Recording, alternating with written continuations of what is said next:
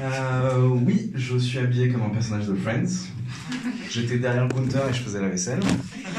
Euh, du coup, euh, moi, quand j'étais jeune, quand j'étais enfant, je rêvais d'être artiste. Quand j'étais ado, je voulais être acteur, porno. Euh, sauf que par absence de talent, de travail et de chance, j'ai pas eu de carrière porno. Et c'est con parce que j'ai vraiment manqué de chance. Mes parents n'avaient pas de contact dans l'industrie du porno. Et je suis sûr que ça aurait pu marcher. Enfin, moi je trouvais que c'était drôle ça. Et, ça, c'est loin. C'est loin derrière moi. Aujourd'hui, le porno, c'est plus, euh, plus un projet de carrière, c'est une passion. Comme euh, beaucoup de gens. J'en vois, dans, dans le public où je sais qu'on n'a pas le même porno, mais on a la même passion. Voilà. Euh, et j'aime tellement le porno que quand je voyage, la première chose à laquelle je pense quand je rentre à Paris, c'est le nombre de nouvelles vidéos qu'il y aura. Le kiff que c'est quand tu passes une semaine en voyage et que tu rentres et tu sais que chaque jour passé loin de chez toi, c'est deux belles soirées de branlette. C'est magnifique. Je, passe une semaine à l'étranger, je reviens, je sais que j'ai deux semaines complètement bloquées sur de la branlette. Je refuse des dates, je vois pas des potes, je vais pas avoir ma famille non plus. Je m'organise ma propre branlette. Et ça, c'est une chance. Ça prend du temps, c'est de la, la pratique, et on apprend à kiffer ça. Et quand je parle de ça à des potes, ils me disent Mais mec, il y a assez de vidéos sur internet pour que tous les jours tu sois comme ça, que tous les jours tu aies le choix. Sauf que, arrivé à un certain niveau de pratique, certains connaissent, euh, bah, j'ai mes habitudes, j'ai mes euh, chouchous, j'ai mes chouchoutes. Bah oui, chef. Ouais, c'est ça. Et, euh, et du coup, je fais pas ça n'importe comment. Euh, mais bon, euh, on va parler d'autre chose. On va parler transition assez simple sur la vie sexuelle. À partir d'un certain âge, je sais qu'on aime bien essayer de nouvelles choses. Est-ce qu'il y en a qui voudraient parler de ça maintenant? Ouais. Qu'est-ce que tu fais de différent? Ouais, qu'est-ce que tu essayes de. Ah, mais j'aimerais faire euh, tout simple déjà. Ah, on en reparle après. Qu'est-ce que tu veux que je te dise? Euh, Voilà, moi je me suis fait un, un- un petit jeu sexuel pour mon propre kiff.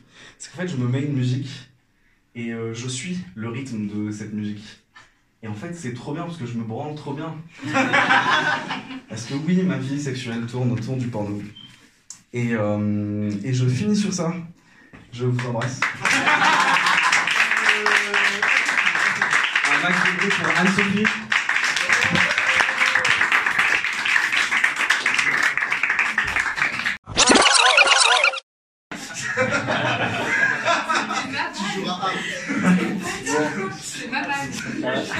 On parlera de Chantal à la fin, ok Elle va se faire pendant ce passage. Euh, moi, je vis à Paris depuis quelques années et je commence à être habitué à ces. euh, Enfin, je- j'ai toujours été dans la partie un peu snob de Paris où les gens sont désagréables, toujours pressés, euh, ils sont pas souriants et ils sont un peu déprimés, quelque part un peu seuls. Et ça s'appelle Tout Paris. C'est tout- Paris. Et, euh, et là où j'ai un peu de mal, c'est l'hypocrisie un peu parisienne de bienséance. Euh, moi, je, suis, je me rends compte que souvent, je suis trop honnête. J'aime- j'ai- J'aime pas mentir. Le seul moment où je mens, c'est qu'on on me demande est-ce que je vais bien? Je dis ouais, ça va. bah, je viens pas et du coup, euh, la déprime, ça me connaît. Et euh, et il y a ce moment gênant où je parle à mon médecin et je dis que j'ai mal au genou. Et, euh, vu que je suis. c'est là où je me rends compte que je suis trop honnête. Parce que moi, je lui dis en fait, je pense que j'ai mal au genou parce que je baisse trop ces derniers temps et le lit est pourri et du coup, je prends des positions bizarres parce que j'ai vraiment. Et ça, ça me donne vraiment mal au genou. Et il me dit, mais non, ça n'a rien à voir, et parlons d'autre chose. Donc même mon médecin était gêné que je lui parle trop comme vous. Euh, et, euh, et justement, il y a des moments comme ça où je me dis, euh, ça serait tellement plus simple si on pouvait avoir des supermarchés où on pouvait s'approvisionner en confiance. T'imagines, tu vas au supermarché, tu payes et tu prends de la confiance en sauce.